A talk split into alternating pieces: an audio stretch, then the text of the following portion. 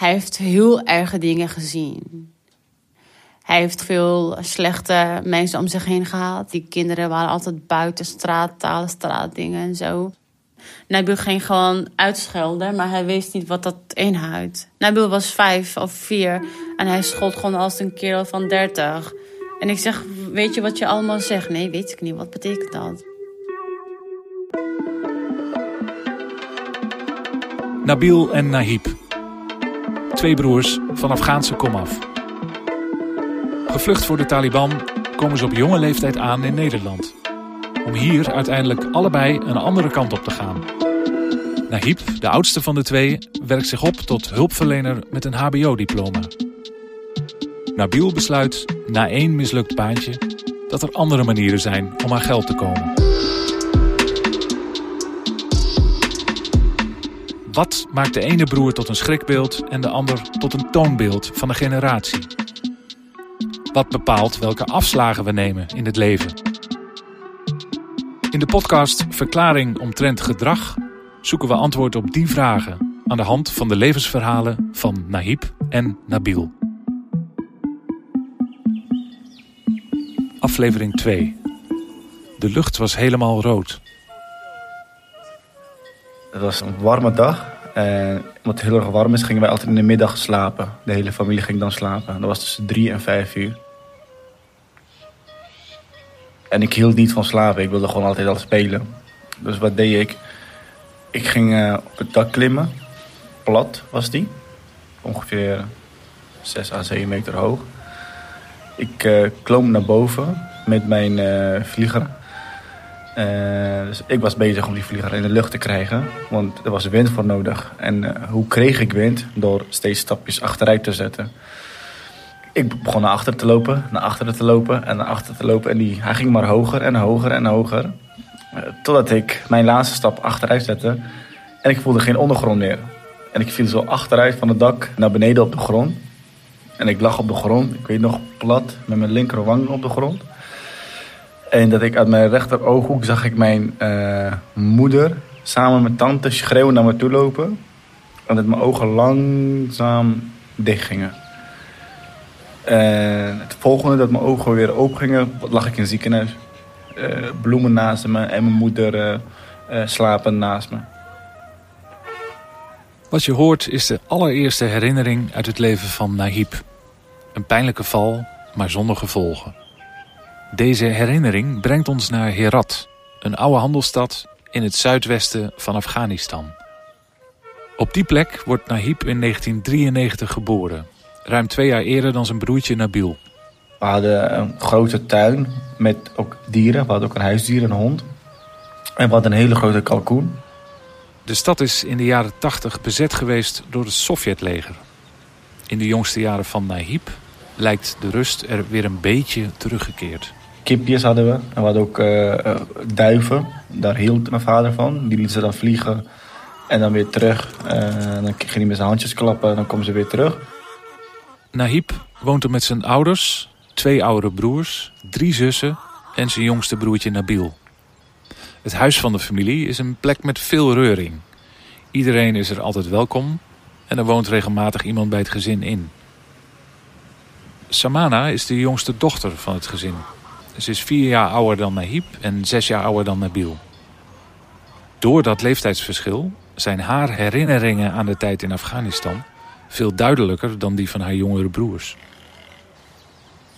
Ik hield van Fanta. Ik was echt een kleine baby, gewoon, maar ik hield gewoon van Fanta. En mijn vader nam ons altijd in de avond, gingen we Fanta halen. En ik kon net lopen, zeg maar. En Nijp was in de armen van mijn vader. En wij liepen aan de overkant van ons huis. was een uh, winkeltje waar ze Fanta verkochten. Dus oké, wij naar de winkel.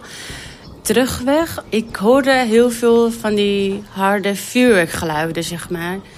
Dus ik kijk nu omhoog en ik zag de hele, zeg maar... Uh, de lucht was helemaal rood, vuur. Dus ik kijk dus naar mijn vader en ik zeg... Pa, kijk, vuur. En mijn vader kijkt omhoog. De rode lucht die Samana als klein meisje ziet... is het gevolg van vuurwerk en vreugdeschoten van de Taliban. Het is een blijk van machtsvertoon... waarmee de islamitische fundamentalisten de bevolking van Herat laten weten: wij zijn er. En vanaf nu zijn wij hier de baas.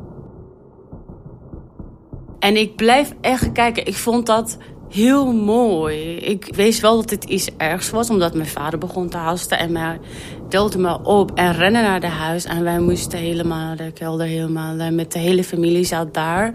En ik moest elke twee minuutjes van dat geluid van wapens. Ik moest elke twee minuutjes plassen. Ik zeg, mama, ik moet plassen. En nou ja, omdat ik zo angstig vond. De impact die deze machtswisseling heeft in de nazomer van 1996 op de bewoners van Herat blijkt uit een televisiereportage van het actualiteitenprogramma 2 Vandaag. Vorig jaar september nam de Taliban Herat in, een belangrijke stad in Afghanistan. Herat heeft een Perzische cultuur. Dit is een wereld van verschil met het denken van de Taliban. En dat hebben de inwoners van Herat aan den lijve ondervonden. Net als in de stad Kandahar zijn alle westerse invloeden rigoureus verwijderd. De vrouwen in Herat waren voor Afghaanse begrippen relatief vrij in hun doen en laten. Nu dragen ook zij de burkas. De Taliban sloot alle meisjesscholen en stuurde het vrouwelijk personeel naar huis. Maria, de moeder van het gezin, is werkzaam als lerares. En haar twee oudste dochters studeren aan de universiteit.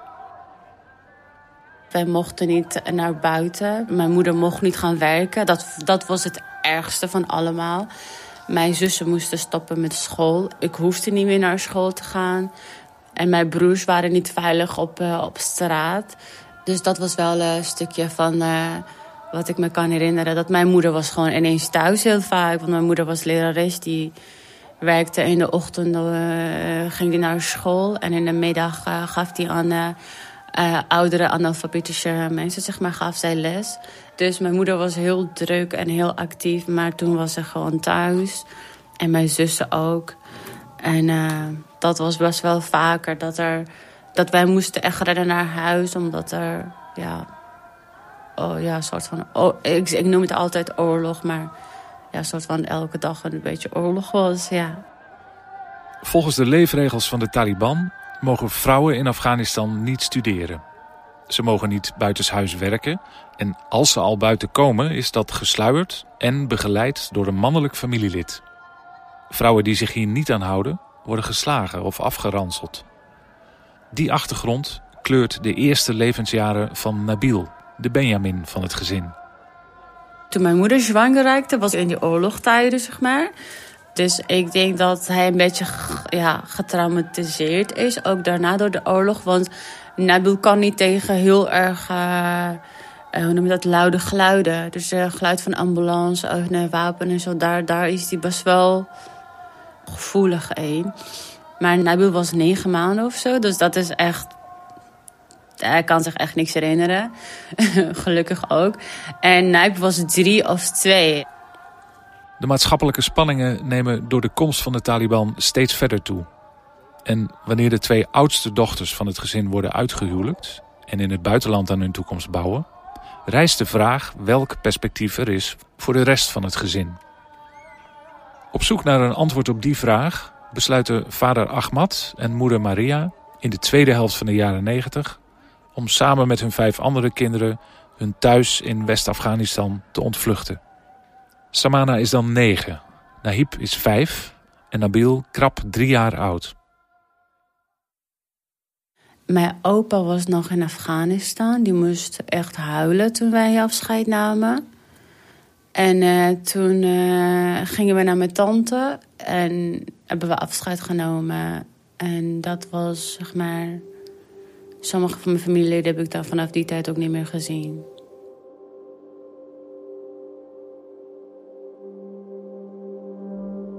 Ik had een half... Uh, Eke Nijbe Nabil zijn opgegroeid met een jongen, zeg maar, in Afghanistan.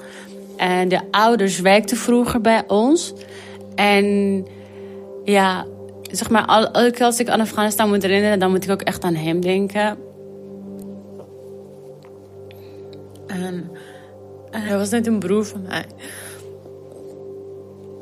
We konden hem niet meenemen, zeg maar. En hij was elke dag bij ons. Hij sliep bij ons. hij ging, ja, gewoon. Ik, ik dacht altijd dat hij mijn broer was, zeg maar. Een soort van. eh, als ik wist dat, dat ik hem zo voor het laatste keer zou zien, dan. Misschien had ik echt op een. Ja, goed afscheid kunnen nemen. Ik weet het niet. Ik. eh, we hebben geen contact. Ik heb hem nooit meer gezien. Maar hij is echt een broer voor mij, zeg maar. Ja.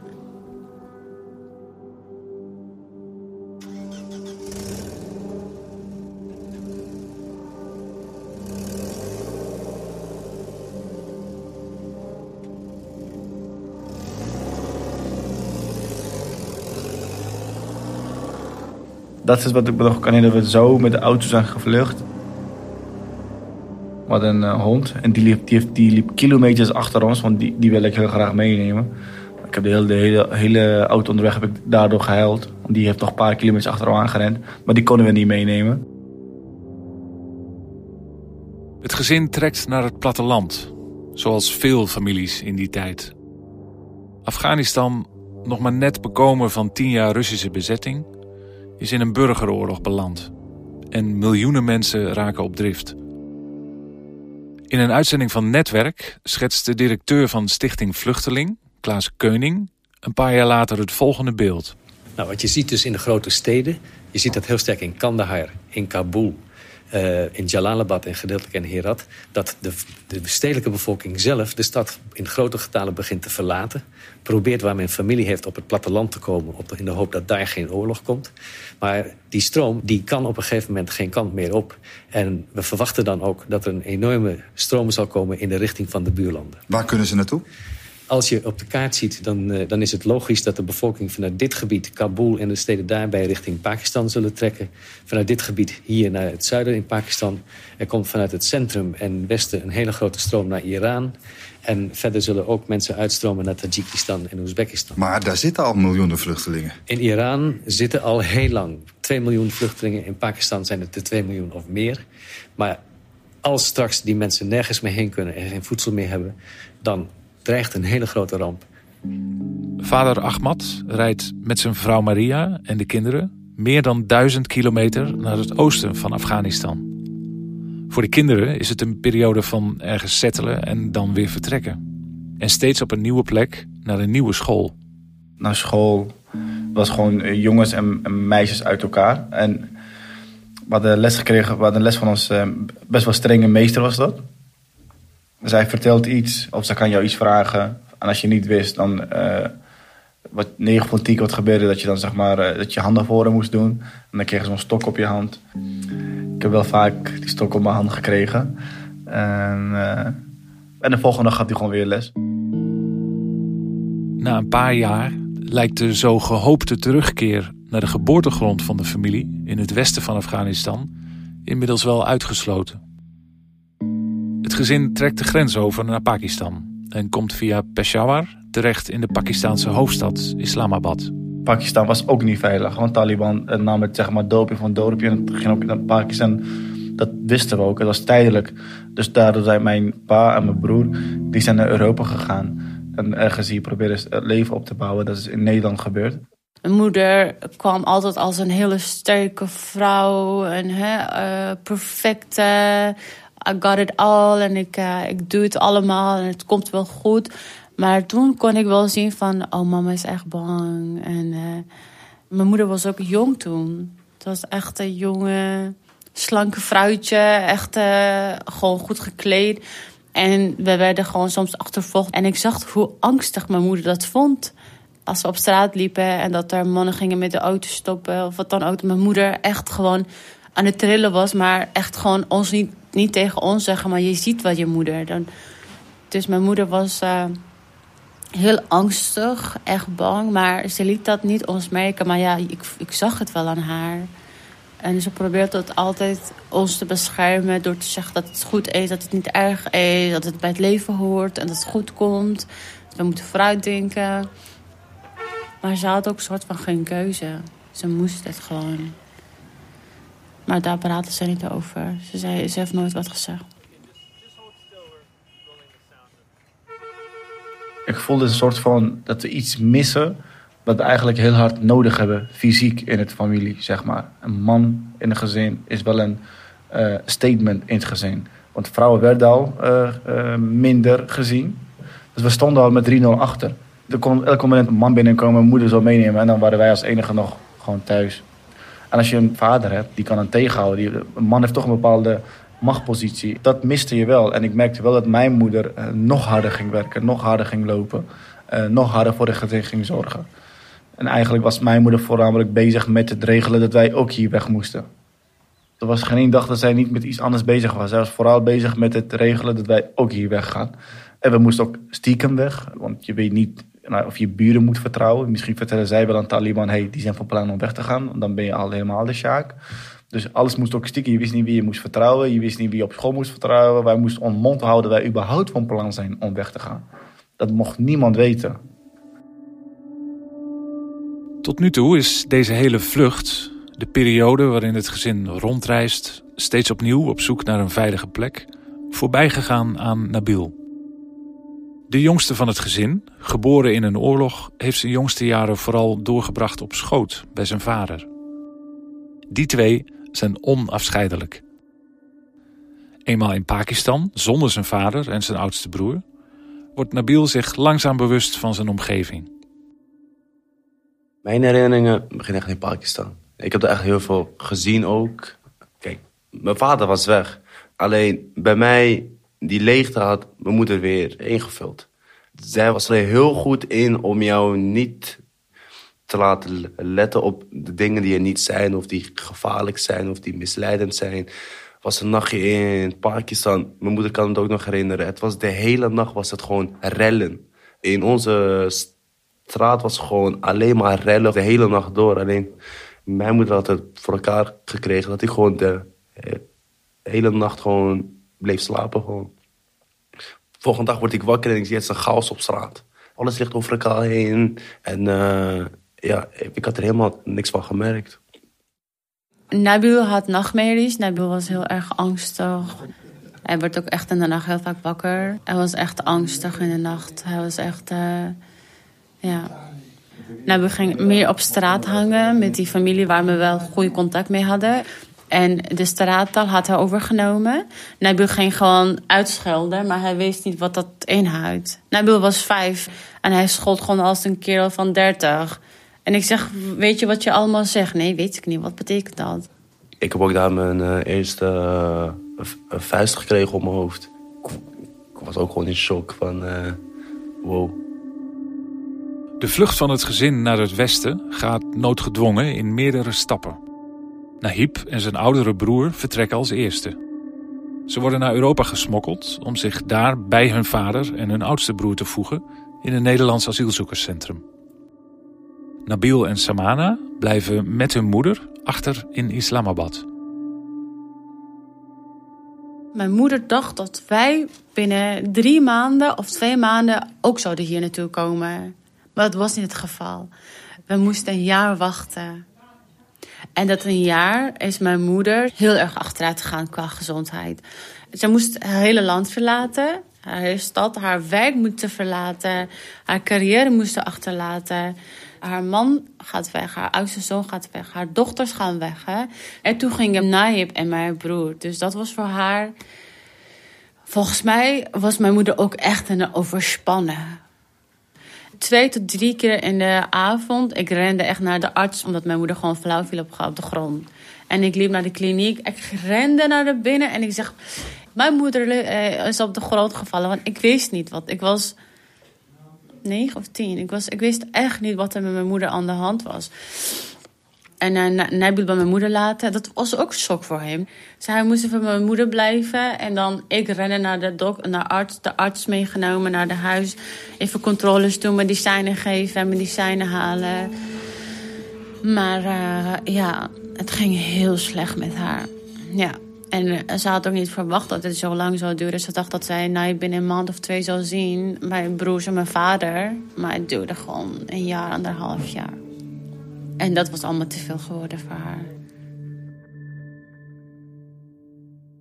En in het eerste jaar denk je er nog aan van... hé, hey, uh, wat ben ik eigenlijk? Maar uh, ja, na een paar jaar was ik eraan gewend geraakt dat we daar gewoon waren.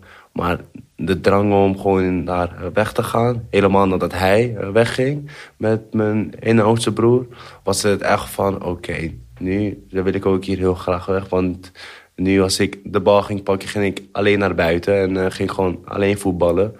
En dan voelde je ook niet meer veilig natuurlijk, want je twee broers zijn weg. Eerst was het altijd, ah, ik heb mijn twee broers, dus als ik een oudere jongen tegenkom die, die een beetje stoer doet, dan heb ik nog een oudere broer van uh, 15, 14. Maar nu is het van, ja, nu ben je alleen.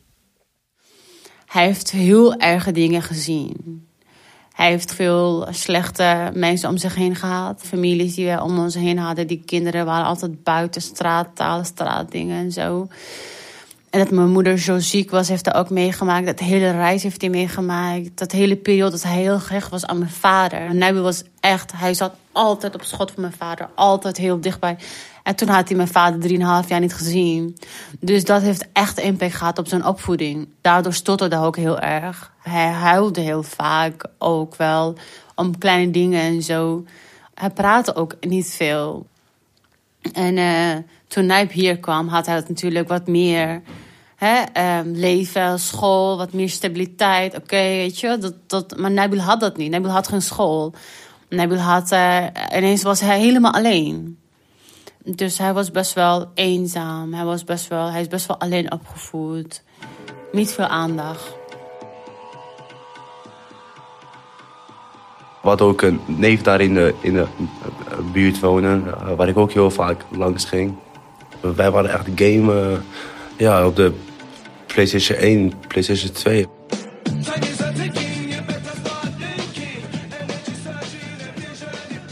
Ja, we hebben het echt kapot gespeeld bijna. We hadden echt zoveel... Uh, het was in de woonkamer altijd. We hebben ook nog foto's volgens mij van toen in de woonkamer in, in, in, in, in Pakistan. Vechtspelletjes, race-spelletjes, FIFA 4, FIFA 3. Dat was echt in 2001, 2000, uh, uh, FIFA 1999, ja. En dan is het moment eindelijk daar. Eind 2001 vertrekt moeder Maria samen met haar jongste zoon Nabil en haar jongste dochter Samana naar Nederland.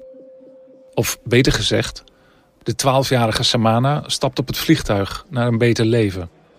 Haar doodzieke moeder en haar zesjarige broertje Nabil neemt ze mee op sleeptouw. We hadden heel veel koffers meegenomen. Nabil die liep gewoon mee overal een beetje kijken om zich heen. Mijn moeder was gewoon ziek. Die kon amper lopen. Het enige wat zij kon een beetje doen is haarzelf van A naar B te brengen. Dat was het enigste wat zij nog kon. Nou, ik zat dus met twee grote uh, karretjes vol met tassen, koffers. Dus ik uh, duwde zeg maar de kof zo gevaarlijk als ik terugdenk. Ik deed de karren zeg maar op de roltrap en ik stond daarachter, hè? niet eens daarvoor. Hè? Want beneden stond mijn moeder. Dus ik wilde hun, zeg maar, ik dacht van als het, het gebeurt, dan ben ik de dupe dat mijn moeder en Nijbul stonden dan beneden elke keer. En dan bracht ik die kar en dan ging ik weer naar beneden en dan pak ik de andere kar. En zo gingen wij van de ene plek naar de andere plek. Niemand die tegen mij zei van, heb je hulp nodig? Uh, oh, we hebben liefde hiervoor. Niks. We hebben gewoon letterlijk, we waren iets van drie, vier dagen onderweg. We hebben gewoon drie, vier dagen niks kunnen eten. Mijn moeder was gewoon gebukt. Ze liep gewoon echt kroom en pijn. En ze moest overgeven. En ze was zo... Niemand. En zelfs in de vliegtuig. Die zei van, heb je het hulp nodig? En we waren ook zo bang omdat er misschien dingen wordt gezegd of gedaan dat wij dan onze reis wordt vertraagd of onze reis wordt gestopt. Er was geen vertrouwen, zeg maar, aan, aan, in andere mensen. Ladies and gentlemen, welcome to Amsterdam where the local time is 6.30. Please remain seated with your seatbelt fastened until the signs have been switched off.